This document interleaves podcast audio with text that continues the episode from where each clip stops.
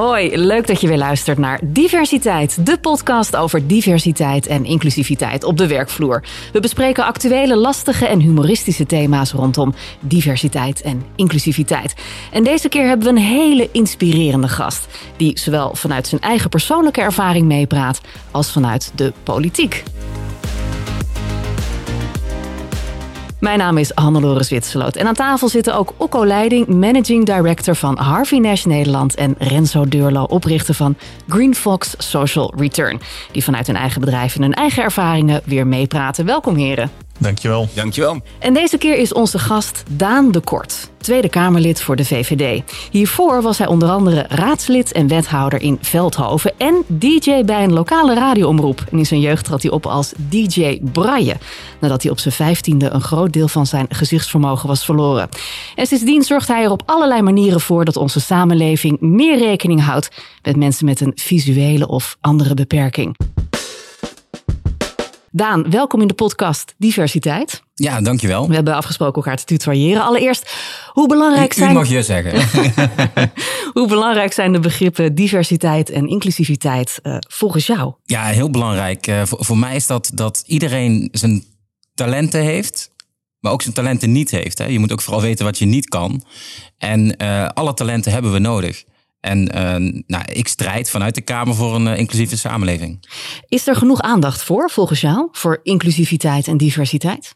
Nee, ik, ik denk echt dat we, we hebben, we hebben vaak het idee dat we in Nederland uh, op, op allerlei gebieden voorop lopen. En, en dat doen we vaak ook. Maar als het gaat om inclusie, ja, hebben we echt nog wel heel veel stappen te zetten. Ook op het gebied van toegankelijkheid. En dat je gewoon gelijkwaardige kansen hebt op de arbeidsmarkt.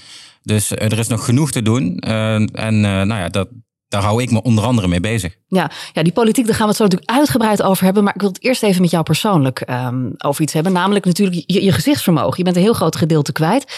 Um, hoeveel zie je nog? Ja, ik zie uh, 4% bij de ogen met centrale visus. Dus ik zie, ik zie de contouren. Uh, ik zie in een straal van een meter of drie om me heen nog genoeg om een opstapje te zien of, of een, een trapje. Maar de scherpte is helemaal weg. Dus ik kan niet meer lezen, schrijven, fietsen. Um, maar ja, dat zorgt er weer voor dat je andere talenten beter ontwikkelt. En daar moet je vooral van uitgaan. Maar het lijkt me wel heftig als je dan uh, in je jeugd, hè, want je was 15, 16 ja, jaar. puberteit. Dat, je dan, dat dat dan met je gebeurt.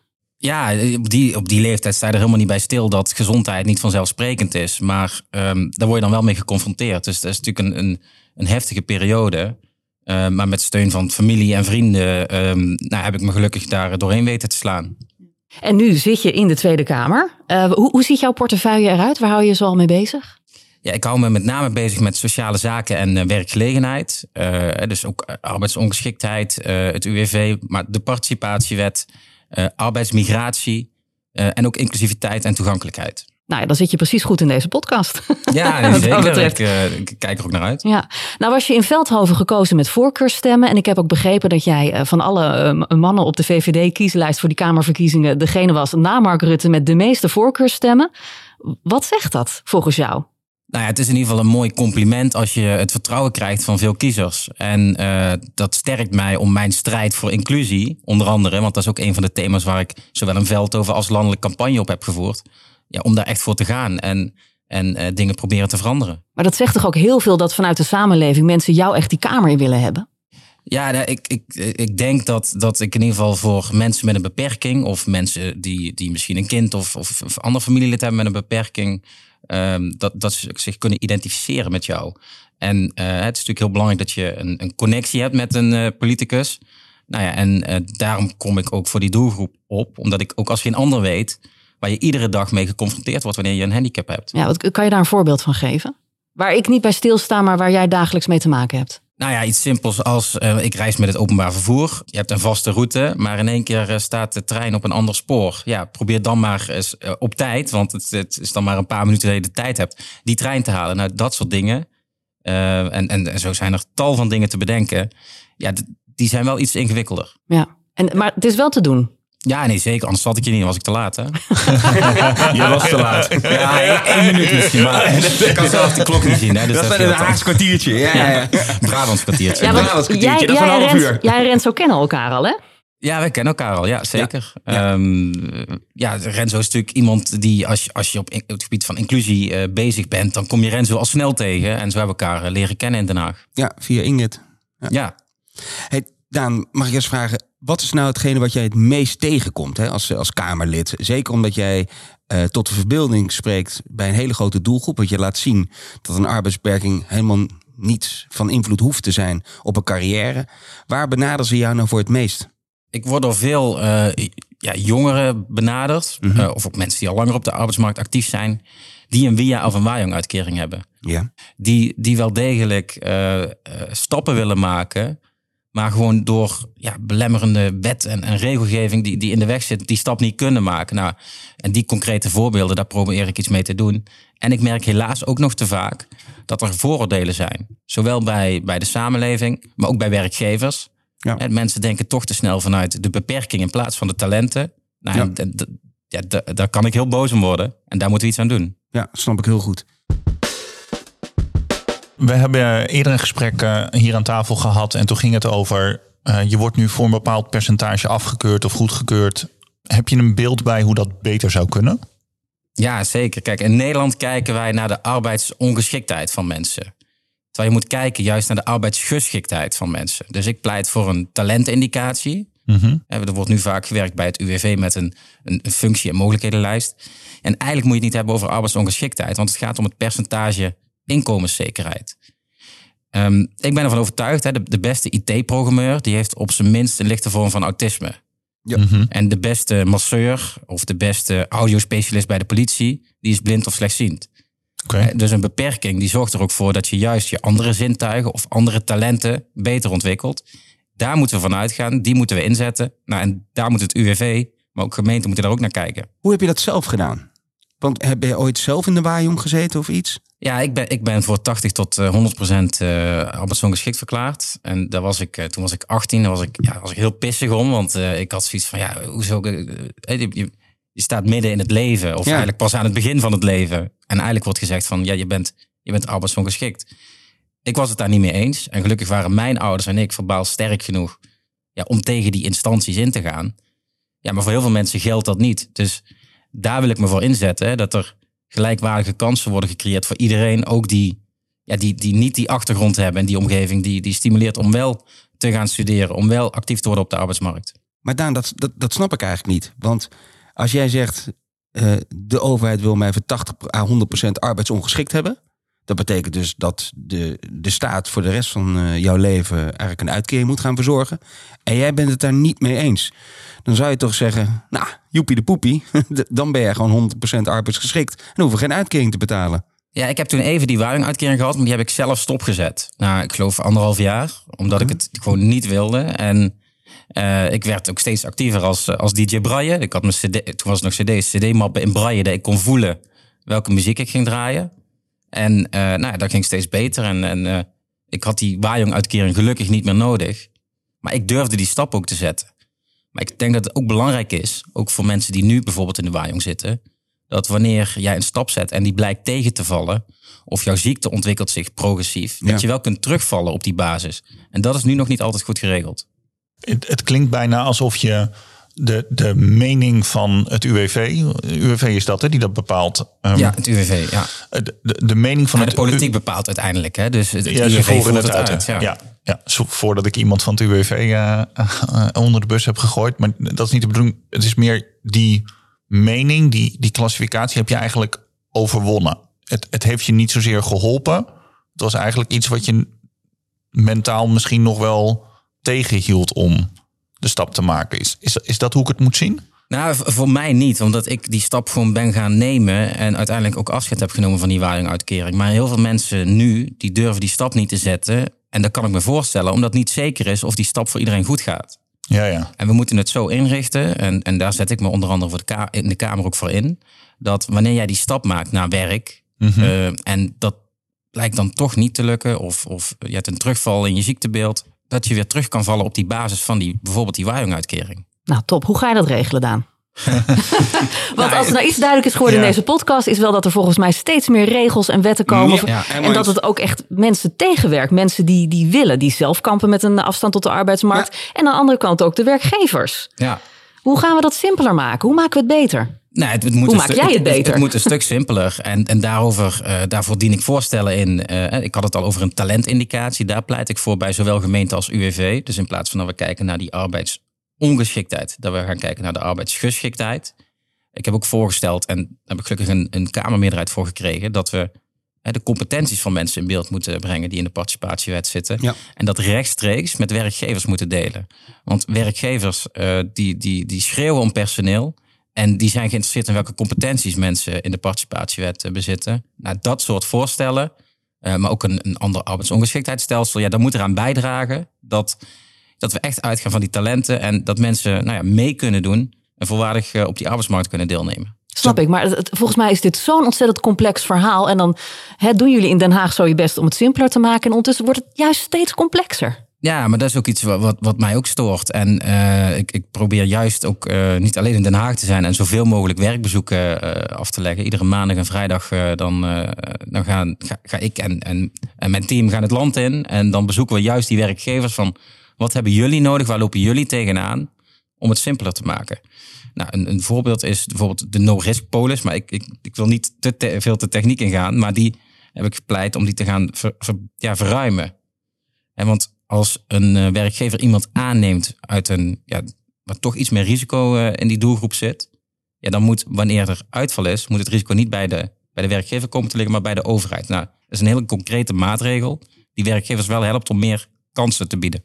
Dat, dat zou zeker helpen. Eh, Ja, als- absoluut. Als iemand ziek is, dan betaalt eigenlijk eh betaal je als werkgever niet die lasten. Dat is ook super. Ja, of in ieder geval voor een gedeelte niet. Hè. Je, Nee. je blijft als werkgever natuurlijk ook verantwoordelijk. Denk je dat we het systeem met kleine aanpassingen moeten doen? Of denk je, nou, het wordt nu echt wel tijd voor... De Big Bang. Ja, de- het liefst natuurlijk in één keer die grote aanpassing, maar dan moet het natuurlijk ook, het moet ook haalbaar zijn. Ik denk dat er eh, van allerlei kanten iets moet gebeuren. Bij werkgevers moet er meer het inzicht komen dat je niet meer kunt verwachten dat je in deze tijd, hè, op iedere 143 eh, vacatures eh, zitten 100 werklozen, dat je in deze tijd eh, het schaap met de vijf poten krijgt. Maar tegelijkertijd moet de doelgroep ook ehm, met een beperking in dit geval, ja, zich niet laten beperken door zijn beperking. En eh, ook, ook durven uit te gaan, uitgaan van je talenten. Nou, daarvoor moeten we vanuit de politiek wat dingen beter regelen. Ik, ik gaf al als voorbeeld van als het tegenvalt, dat je kunt terugvallen op je uitkering. Maar je moet ook een opleiding willen volgen. Je moet willen deelnemen. Je moet ook de positieve mindset hebben om te participeren op de arbeidsmarkt. Want anders gaat die werkgever jou ook geen kans geven. Maar dat is natuurlijk ook heel onwijs moeilijk. Want je zelf net ook al zegt, we gaan de hele tijd uit van wat is je arbeidsbeperking? En dat staat centraal. Er wordt niet gekeken inderdaad naar wat iemand wel kan. Dus op het moment dat je dat gaat veranderen, dan wordt het ook pas interessant. Ik denk waar de grootste bottleneck zit, als je dan eenmaal zegt van oké, ik ben niet eh, blind, maar ik kan heel goed luisteren. Mhm. Dat je dan ook bekend bent bij die werkgever. Want nu is het echt gewoon zoeken, zoeken, zoeken. En dan moet je maar hopen dat diegene boven water komt. Want Ja. het UWV heeft uiteindelijk de beschikking tot die hele kaartenbak en niet de werkgever. Kunnen we daar niet iets aan doen? Nou ja, en daarom eh, pleit ik ook voor het, gewoon het rechtstreeks delen van competenties met werkgevers. Dat moet de gemeente doen, dat moet ook het UWV doen. Ja, en ik denk dat het belangrijk is dat, hè, wat ik al aangaf, dat iemand met een beperking ook benadrukt wat hij nog wel kan. En want je kunt je hele, eh, alle problemen die je hebt, die ook heel veel impact hebben op je leven, benoemen. Maar daar gaat het niet om als het gaat om een sollicitatiegesprek. Nee. Dus je moet ook vooral uitgaan van, eh, van die talenten. Ehm, ja, en dat doen we ook nog te weinig. Want heb jij zelf al eens een keer gesolliciteerd? Eh, ja, zeker. Ik heb wel eens gesolliciteerd. Ja. En, en hoe kwam dat ter sprake? Jouw, eh, ik ik visuele- benoemde het eh, in, in de brief of, eh, Mhm. of, of in het gesprek. Maar was dat vraag 1? Of was dat het laatste met oké, hoe gaan we Ja, dat ik- regelen bij de trap? Of, eh, Ik, heb maar, ik ben even aan het denken. Ik heb maar twee keer gesolliciteerd. Ik heb, daarvoor heb ik ook zelf ondernomen. Eh, ik heb een keer gesolliciteerd als DJ. Want toen was ik eh 18 bij eh, kroegen op Straat van Zijnt in Eindhoven. En daar wilde ik heel graag draaien. ja. En ik heb gesolliciteerd voor de Tweede Kamerlijst. Maar ja, daar was algemeen bekend dat ik die handicap heb. Omdat ik daar zelf nooit een, een, een issue van maak. Voor mij is het ook geen issue. Het is, het is wat het is. Nou, ik vind het ook mooi om te zien. hè, We zijn een paar keer eh, bij elkaar op bezoek geweest. En dat eh, als mensen jou zien, dan zeggen ze ook, hoi Daan, even wat harder. En eh, we kwamen op dat moment in de lift volgens mij Annemarie Jorritsma tegen. En die dan even heel duidelijk zegt, Ja. hoi Daan, zodat Daan eigenlijk herkent, oké, dat is Annemarie. Ja. En dat viel Nou, op. Iedereen zeggen, die maar tegenkomt, ken je wel snel hoor. Maar, van stem neem ik aan. ja, ja, stem, ja, en de contouren. nee, ehm, eh, mensen houden daar rekening mee. Maar je gaat ook, ehm, je, je ziet de contouren. Iemand die dezelfde parfum gebruikt. Dat, dat soort dingen ga je onthouden. De, de stem. Oh, de, mooi ja. eh, en iemand met wie je heel veel werkt. Dan hoor je op, aan, de- aan de, de spassen op de gang al wie eraan komt. Dus Ja. nou ja, dat, dat is wat ik aangeef. Hè, dat je andere zintuigen, andere talenten zich beter gaan ontwikkelen. Want hoe ziet jouw ideale wereld eruit eh, qua competentiepaspoort? Of eh, eh, hoe zou je dat voor je zien? Ja, ik, ik denk dat het met name eh, nodig is dat we echt gelijkwaardige kansen creëren. Eh, en dan, Mhm. die zie ik met name als het gaat om het gebied van, van het onderwijs. Dat je kunt, kunt opleiden en op de arbeidsmarkt. Nou ja, en, en dan is het ook voor een deel aan de groep- doelgroep zelf. Als, als, als de werkomgeving toegankelijk is, dan kan dat geen belemmering meer zijn. Daar moet het, eh, moet het beginnen. En, en als je dan, hè, je moet uit- uiteraard de motivatie en de drive hebben om er iets van te maken. Nou, dan kunnen wij in Den Haag door wat, wat betere eh, vangnetten nog meer stimuleren, die stap naar werk. Maar ja, als, als we die betere stap naar werk hebben geregeld en een toegankelijke werkomgeving of een toegankelijke onderwijsomgeving, ja, dan ligt volgens mij de wereld voor je open. Ja, want ik kan me voorstellen dat eh wij hebben bijvoorbeeld een, een functie, eh, een administratief medewerker, heel veel repeterend werk. Het liefst zou ik zeggen, een pre is autisme. Ja. Nee, maar, Maar dat, ik weet niet of we daar al aan toe zijn in Nederland. Zijn we daar nog niet eh, op dit moment een beetje te woke voor? Hoe Nou, zie jij we- dat? Nee, ja, wat het probleem, in ieder geval mijn analyse is, wij, ehm, kijk, de, de, de verzuiling is, is eh, die, en de grote verzorgingsstaat, die, die heeft er eigenlijk toe geleid, waardoor wij volgens mij niet inclusief zijn, juist heel exclusief. Dat is met de beste intenties geweest, die verzorgingsstaat. Maar ehm, hè, Zweden, eh, veel Scandinavische landen trouwens, Amerika, die zijn veel verder op het gebied van, van inclusie. Ja. Wij hebben altijd speciaal onderwijs gehad voor doven, voor blinden. We hebben een beschutte werkomgeving gehad voor mensen met een beperking. Ja. Ingevoerd met de beste intenties, maar dan heb je juist een in decennia opgebouwd systeem van exclusiviteit. Ja. En daar moeten we nu gaan doorbreken, omdat we naar die inclusieve samenleving moeten willen gaan. Nou en dat is wel iets van de lange adem. Ehm, en en, en nou, nogmaals, ik denk dat onderwijs daar het belangrijkste is. Want, want onderwijs is, is jouw ticket naar, eh, naar een goede baan. Zeg je nou, we halen eh, mensen met een beperking al heel vroeg uit de maatschappij. Die zetten we apart. En dat moeten we eigenlijk stoppen. We moeten ze eigenlijk gewoon nou, de normale basisschool laten lopen. De normale middelbare school. Zodat ze gewoon participeren in de gewone maatschappij. En niet in een soort gecreëerde, nou, beschutte hoek van de maatschappij. Ja, want je hebt dan die gecreëerde veilige omgeving. En daardoor redeneren wij veel te vaak voor iemand met een beperking vanuit de kwetsbaarheid in plaats van de kracht. Ja. En ik denk, eh, kijk, voor een deel zal het niet mogelijk zijn. Er zal altijd een kleine groep zijn, maar ik denk een veel kleinere groep dan nu. Ja, die moet naar speciaal onderwijs of die moet in een beschutte werkomgeving zitten. Maar er zit ook een heel groot deel, die, die kan wel degelijk veel meer. Maar die worden nu ook ja, opgevoed op een manier dat ze anders zijn, dat ze exclusief zijn. Maar ja, je loopt ook tegen praktische problemen op. Want je kan niet ehm, hè, in het huidige onderwijssysteem eh, in een klas drie of vier kinderen hebben die toch extra aandacht nodig hebben. Dan, dan loopt dat helemaal spaak natuurlijk. Ik denk dat de kinderen dat willen. Ik denk dat wij als maatschappij dat willen. Maar dat het gewoon Ja. niet haalbaar is. Nou, op dit ik- moment met hoe het is ingericht. Er zitten nu al meer dan 30 kinderen in de Ja, dat is meeste bizar. klassen. Bizar. Ja, nou weet ik niet, want we hebben ook al die speciaal onderwijsinstellingen zitten allemaal docenten. Ik, bedoel, ik geloof niet dat onderwijs zit in het vastgoed van het speciaal onderwijs, maar het zit in de leerkrachten. Nou, je kunt die leerkrachten best wel extra inzetten op het regulier onderwijs als, als begeleiding voor die speciale doelgroep. Want ze hebben ook, ook bij die instituten, ze doen er geen slechte dingen. Hè. Ze hebben daar jarenlang expertise opgebouwd om die doelgroep goed te begeleiden. Dus de docent moet volgens mij bezig zijn met het doseren, wat zijn vak is. Maar iemand die dan bijvoorbeeld van het Doveninstituut daar eh, begeleiding biedt, die kun je toch ook op het regulier onderwijs inzetten. Als een soort hulpdocent. Ja. Ja, dan kunnen we dat vastgoed weer gebruiken voor, eh, voor woningbouw, waar we natuurlijk andere ook heel veel behoefte aan is. Ja. Oké, dus dat, dat, dat zijn dan de scholen, de opleidingen. En hoe dan? Hoe ziet het verder eruit in het- bijvoorbeeld het mbo? Nou ja, daar geldt hetzelfde voor. Hè? Want eh, als je een bepaalde eh, of een visuele uitdaging hebt, of een auditieve of, of een andere uitdaging, nou dan, dan, dan, dan heb je ook nog steeds begeleiding nodig voor een deel. Ik denk wel dat dat minder wordt naarmate jij eh, het basis- en het middelbaar, middelbaar onderwijs doorlopen hebt. Maar er moet ook altijd een mogelijkheid blijven. Nou, ja, het MBO moet vooral opleiden voor de arbeidsmarkt. Er zijn heel veel tekortsectoren, daarbij aansluiten. En eh, ja, daarna komt dan die stap naar werk natuurlijk. En die werkomgeving, die moet toegankelijk worden.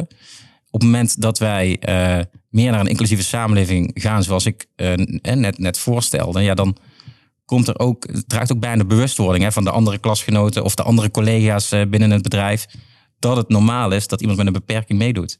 Ja, en als die dan al vroeger in de klas hebben gezeten met eh, kinderen met een beperking, dan gaat dat misschien natuurlijk wat, wat natuurlijker. Ja, en, en, en nou, dit is niet iets wat we van vandaag op morgen geregeld Nee, ik wou net hebben, zeggen, dit maar- klinkt over iets wat we pas over 30 Ja. jaar eh, gefixt hebben. Ja, maar eh nou, 30 jaar zou ik wel heel lang vinden, maar ik... ik Nou, nee, dan ben ik nog optimistisch. Ja, Ja, ja, dat denk ik ook. maar Nou, dit is zo'n grote verandering. ja, maar wel een noodzakelijke. Ja, voordat degene die door dat scholingssysteem in, in beslissende posities zijn, zijn we inderdaad 30, 40 jaar verder. Ehm, en, en als dat het is, laten we er vooral morgen mee beginnen. Hè. Je kan maar beter nu beginnen dan, dan er nog eens tegenaan hikken. Nou, ik denk dat er heel veel ehm, eh, mensen met een, eh, met een beperking ook graag willen werken. Alleen, het is mij nog niet helemaal duidelijk hoe een werkgever nou laat zien, ik sta ervoor open. En we hebben het gehad over diversiteit qua eh, eh, etnische achtergrond hè, en, en eh, waar ben je geboren. En wat gebeurt er dan heel veel? Die kijken naar een website. En dan vaak even over de over ons pagina. Om te kijken, zie ik mezelf erin terug? Hoe zou je dat kunnen stimuleren voor de doelgroep uit de participatiewet? Hè? De, de, de mensen met een arbeidsbeperking. Hoe kan je laten zien als bedrijf, ik sta ervoor open? Ja, eigenlijk door te beginnen en iemand aan te nemen en te laten zien dat het kan. En eh, eh, ik, ik gaf al aan, werkgevers hebben te vaak vooroordelen, koudwatervrees. Ja. Nou, dat is doodzonde, want ehm, ik heb vaak gemerkt, hè, als, als, je, als ik een bedrijf bezoek, nou, stel iemand heeft een, een ondernemer heeft een, een, een zoon of een dochter of een neefje of een Ja. nichtje met een beperking, die geven ze dan vaak een kans. En dan wordt in één keer zichtbaar dat er heel veel wel kan. En dat juist die persoon die jij een kans geeft, dat dat de grootste ambassadeur van jouw bedrijf wordt. Omdat hij zo trots is dat hij in een regulier bedrijf werkt. Ja, en dan gaan ook collega's inzien van, hé, hey, het is mogelijk, het kan. En, en, en ik denk dat ja, dat de manier is. En hoe zouden we die prikkel kunnen weghalen? Want je zei net van het is spannend. Hè? Eh, je, je geeft heel veel op als je gaat werken. Als je een arbeidsbeperking hebt. Hoe zou je dat zeg maar kunnen naar buiten brengen? Van, joh, dat, dat gaan we, daar gaan we samen doorheen. Nou ja, ik, ik, ik zeg dus dat het UWV en gemeenten, die moeten echt uitgaan van die talentindicatie. Ehm, de overheid zou ook werkgevers meer moeten ontzorgen. En een ondernemer heeft het eh, hartstikke druk met het runnen van zijn eigen toko. En die komt om aan het woud van diverse regels. Dus dat kan ook Ja. makkelijker. Ja, en ik denk dat het belangrijk is dat je de juiste hulpmiddelen en voorzieningen biedt. Eh, ik heb bijvoorbeeld begin van het jaar op Wereld Brailledag een plan ingediend om eh, één loket in te richten voor nou, mensen met een visuele beperking. Onder die doelgroep is de arbeidsparticipatie met 29% het laagst van allemaal. Terwijl daar heel veel kansen en talenten liggen. Ja. Ehm, en in plaats van dat ze bij, bij, eh, in één regio bij, bij 21 verschillende gemeenten terecht kunnen, in mijn regio Zuidoost-Brabant, moet je gewoon één loket hebben voor werkgevers, maar ook voor de doelgroep. Eens. Ja, en, en zo'n web, en zo'n website moet ook wel weer te, te volgen zijn voor iemand die niet kan zien. Ja, dat is of- ook nog een uitdaging apart. Nou, daar- daar is toch goede software voor, of niet, eh, Daan? Eh, Dus, dus aan de software zal het niet liggen, maar niet alle sites zijn toegankelijk. En daarom heb ik vorig jaar het, eh, het, het meldpunt opgestart. Meldpunt beperkt toegang. Mhm. Eh, waarin nou, ik heb proberen te inventariseren hoeveel websites en apps van de Rijksoverheid al dan niet toegankelijk zijn. Ja, en dan schrik je toch wel dat, nou ja, als de overheid het niet op orde heeft, ja, dan kun je ook niet verwachten hoeveel waren het er? dat, dat, dat- ja, dat, dat het bedrijfsleven het op orde heeft. Je moet als overheid wel het goede voorbeeld geven. En overigens, als het dan gaat over die banenafspraak, ja, daar loopt, loopt juist de, de, eh, de markt loopt voor op de overheid. Dus Ja. ik vind wel dat we met name als overheid echt wel eh, flink wat stappen moeten gaan zetten. En- Ja. Maar dat zien we toch overal. We zien ook in de, in de ongelijkheid in beloning van mannen versus vrouwen dat de overheid eh, achterloopt. Misschien moeten we het juist wel als bedrijfsleven oppakken en, en het van die kant doen. En, nou, dan volgt de overheid maar. Eh, Denk ook. Iemand moet de handschoen oppakken. Nou ja, en alleen maar goed als, als werkgevers dat doen. En dat laten ze inderdaad ook al zien. En ehm, eh, we hadden net een oplossing die ehm, ehm, in, ieder geval de, charmantste is op de lange termijn. Ehm, korte termijn een quotum, hoe kijk je daarnaar? Ja, eigenlijk zou je het niet moeten willen. Maar ik zie het wel als een, als een, een- noodmaatregel die juist die duw in de goede richting geeft. Dus als hij, ehm, als hij tijdelijk is, dan eh, ben ik daar zeker voor. En, en ehm, ja, het, het, je zou hem ook kunnen verbreden. Hè? Die discussie loopt nu ook. Ik vind het in ieder geval een goed middel om mensen ehm, ja, de kans te bieden naar werk. Want werkgevers hebben dus nog te vaak koudwatervrees. Helder. En vice Helder. versa. Ook de kandidaten En hebben... eh, ja, ja, Nou, dat is ook wat ik aangaf. Hè. Laat je ook vooral niet beperken door je beperking. En juist doordat hè, in, in de afgelopen decennia die samenleving, samenleving zo is ingericht, ja, gaan mensen ook nog te vaak uit van hun kwetsbaarheid, van hun ziektebeeld. In plaats van dat ze denken van. Eh, nu, nu ben ik even heel generaliserend, maar van wat kan ik nog wel? Welke talenten heb ik en waar, waar ligt mijn passie en, en mijn, mijn droom en ambitie? sluit mooi aan op jouw uitspraak. eh, je zegt van, hè, door mijn visuele beperking ben ik ook dingen gaan zien. Ja, Want wat is nou hetgene wat jij het meest bent gaan zien ten opzichte van toen je nog 14 was? ja ik ben, ben echt wel ehm, anders gaan kijken naar, eh, naar de samenleving. Het, dit- die handicap heeft me ook echt gemotiveerd om de politiek in te gaan. Mhm. Ehm, ik ben gaan inzien dat er nog te veel vooroordelen zijn. Heb ik ook richting mezelf gemerkt. Eh, dat het Blinde Instituut aangaf dat ik niet meer op het regulier onderwijs mee zou kunnen. Zo. Dat het, het, het, heb ik me gelukkig niet aan gehouden nee, natuurlijk. ik wil maar net zeggen. dat, dat het UWV aangaf dat ik eh, arbeidsongeschikt zou zijn. Dus ik ben gaan zien dat er veel vooroordelen zijn. Dat is de standaard dus. Je Ja, hebt de visuele beperking, je gaat naar speciaal onderwijs, je hebt de visuele beperking. Ja, je, Je ziet alleen een de- uitkering. Ja, je ziet alleen eh, je ziet zoveel, dit percentage, je ziet de contouren nog. eh, Dus eh, meneer de Kort, u bent arbeidsongeschikt, alstublieft. Dat, dat was wel, dat is inmiddels beter hoor. Dit, bedoel, dit, dit was een andere tijd, maar dat kan nog steeds veel beter. Ja, En ik ben dus echt vanuit die talenten gaan denken. ja, het is inderdaad wat kort door de bocht. En wanneer is het gereguleerd dat er vanuit de talenten wordt gedacht? Die talentindicatie waar je het steeds over hebt. Wanneer hebben we dat? Nou, wat mij betreft liever vandaag dan morgen. Eh, ieder Kamerdebat met minister Van Gennep of minister Schouten... eh, dat ik de gelegenheid krijg, benadruk ik het ook. En ik merk ook dat steeds meer partijen dat, dat geluid beginnen over te nemen... beginnen, ja, beginnen te, te, te voelen. Maar dit is, dit is ook wel iets van, van wat, wat een aantal jaar duurt. Want je, je hebt het ook over een cultuurverandering bij, bij hoe een gemeente of een UWV opereert. Nou, terwijl het nu wel de juiste tijd is met dat enorme personeelstekort. Toch als er één moment is om, om dit te regelen, is het nu. Ja, als, het, als het nu niet lukt, dan, dan volgens mij nooit niet. Want die krapte is, eh, is enorm. Wat ik al aangaf, hè, werkgevers moeten niet meer uitgaan van het schaap met de vijf poten. Moeten het werk zo inrichten dat juist die talenten optimaal benut kunnen worden. Ook kunnen accepteren dat bepaalde dingen ook gewoon niet mogelijk zijn. Eh, maar als je dat doet, ja, dan, dan, en daar hebben we iedereen voor nodig. De doelgroep moet, moet, moet erin gaan geloven. Werkgevers moeten geen koud watervrees meer hebben. En de overheid, de politiek, ja, die moet die, die hinderende wet en regelgeving wegnemen. En ook gewoon kansen bieden. En wanneer zijn we zover? Ehm, nou, ik ben slechts niet helderziend, Hannelore. Maar eh, ik denk... eh, ik, nou, ik, maar ik jij zit er bovenop. Nee, maar ik, ik, kan, ik kan daarin geen belofte doen, omdat ik daar niet alleen in sta als VVD-Kamerlid. Wat ik wel kan beloven is dat ik alles op alles zet om daarvoor te gaan. Om partijen te overtuigen, om het kabinet te overtuigen. Om, om iedereen daarin mee te krijgen, een hele beweging te starten. Deze podcast, wat jullie doen, zo'n initiatief, draagt er ook enorm aan bij. Dus dat is ook heel goed en heel belangrijk. Nou ja, en ik hoop dat ik over een aantal jaar terug mag komen en dan de resultaten kan bespreken. Wanneer ben je tevreden? Ik ben tevreden als, ehm, nou, als, als jongeren, die, eh, jongeren die nu geboren worden, Ja. dat die niet die belemmeringen krijgen die ik had. Dat, dat tegen jou wordt gezegd van je moet naar het blindeninstituut. Je, je wordt arbeidsongeschikt verklaard. Dus dat die een gelijkwaardige kans krijgen Ja. in het onderwijs, op de arbeidsmarkt, om hun dromen na te jagen. Ja, lijkt me niet meer dan normaal inderdaad. Maar dat is niet normaal, helaas. Nog niet. Nee, maar het is aan de andere kant wel een enorme uitdaging. Want het gaat om een paar honderdduizend mensen met een arbeidsbeperking. Weten we die we nog wel te vinden? Hebben we nog wel contact? Hebben we een heel bazaal telefoonnummer en e-mailadres? Om daar een kwaliteitenpaspoort voor te maken. Nou ja, als gemeente het goed doen wel en het UWV. Maar het, dat gebeurt niet altijd. Nee. En, eh, want er is lang niet altijd in beeld en wie er dan in die, een oneerbiedig woord, in die kaartenbak zit. Ja. Ja, ik, ik was laatst op bezoek bij de gemeente Den Bosch en die doen het heel goed. Als je kijkt ook naar de cijfers, eh, die, die staan bovenaan van, van in ieder geval de grote steden. eh, om mensen naar werk te begeleiden vanuit die participatiewet. Ja, daar wordt ook gewoon iedereen op, op, op gesprek uitgenodigd. En als je niet komt, wordt er nagebeld, wordt er nog een keer nagebeld. En ja, zo hoort het ook. Ja, er gebeuren mooie dingen. Met Sjoerd is dat, hè? Ja, eh, klopt, ja, ja. ja, heel mooi. Maar, maar ook hier geldt dus weer, het, het hangt per gemeente af. Dus ik, kan in de goede gemeente wonen met mijn beperking, of ik kan in de slechte gemeente wonen met mijn beperking. Nou, voor sommige voorzieningen en hulpmiddelen is dat wel het geval. Nou, en dat is niet altijd goed. En daarom heb ik bijvoorbeeld voorgesteld dat een voorziening, als je die, eh, als je die toegekend krijgt, dat die persoonsgebonden wordt. Het is niet dat als je verhuist, Ja. dat je hem dan weer moet inleveren.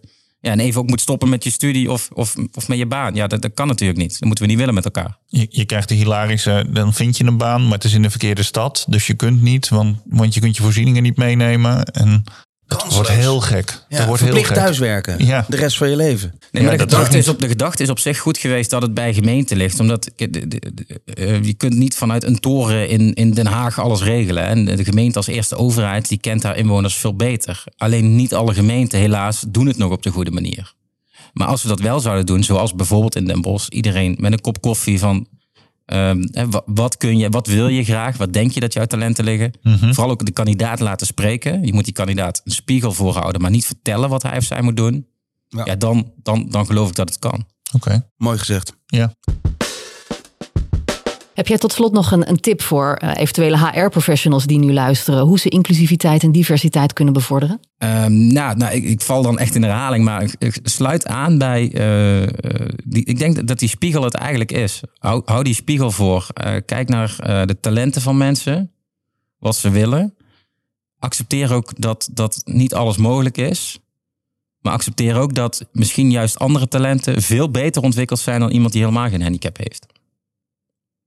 Heel goed. Heel mooi, dat hebben we een keer eerder gehoord. Hè? Ja, mensen, ja, Gezocht mensen met een trauma. Ja. Die zijn over het algemeen veel verder ontwikkeld. En weten Ja. veel beter wie ze zijn.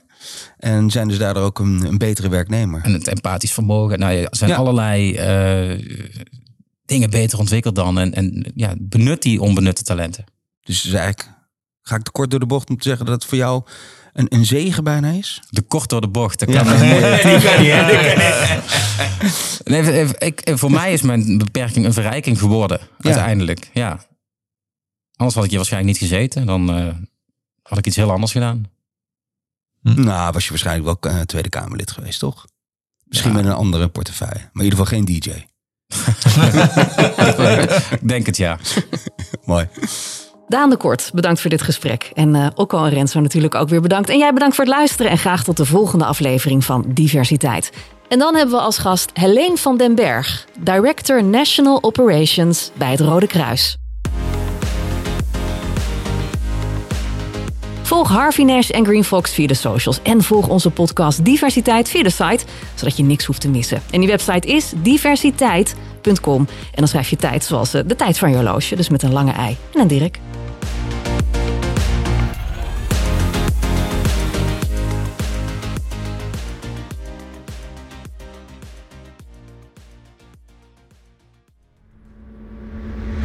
Deze podcast is met trots geproduceerd door Content Leaders.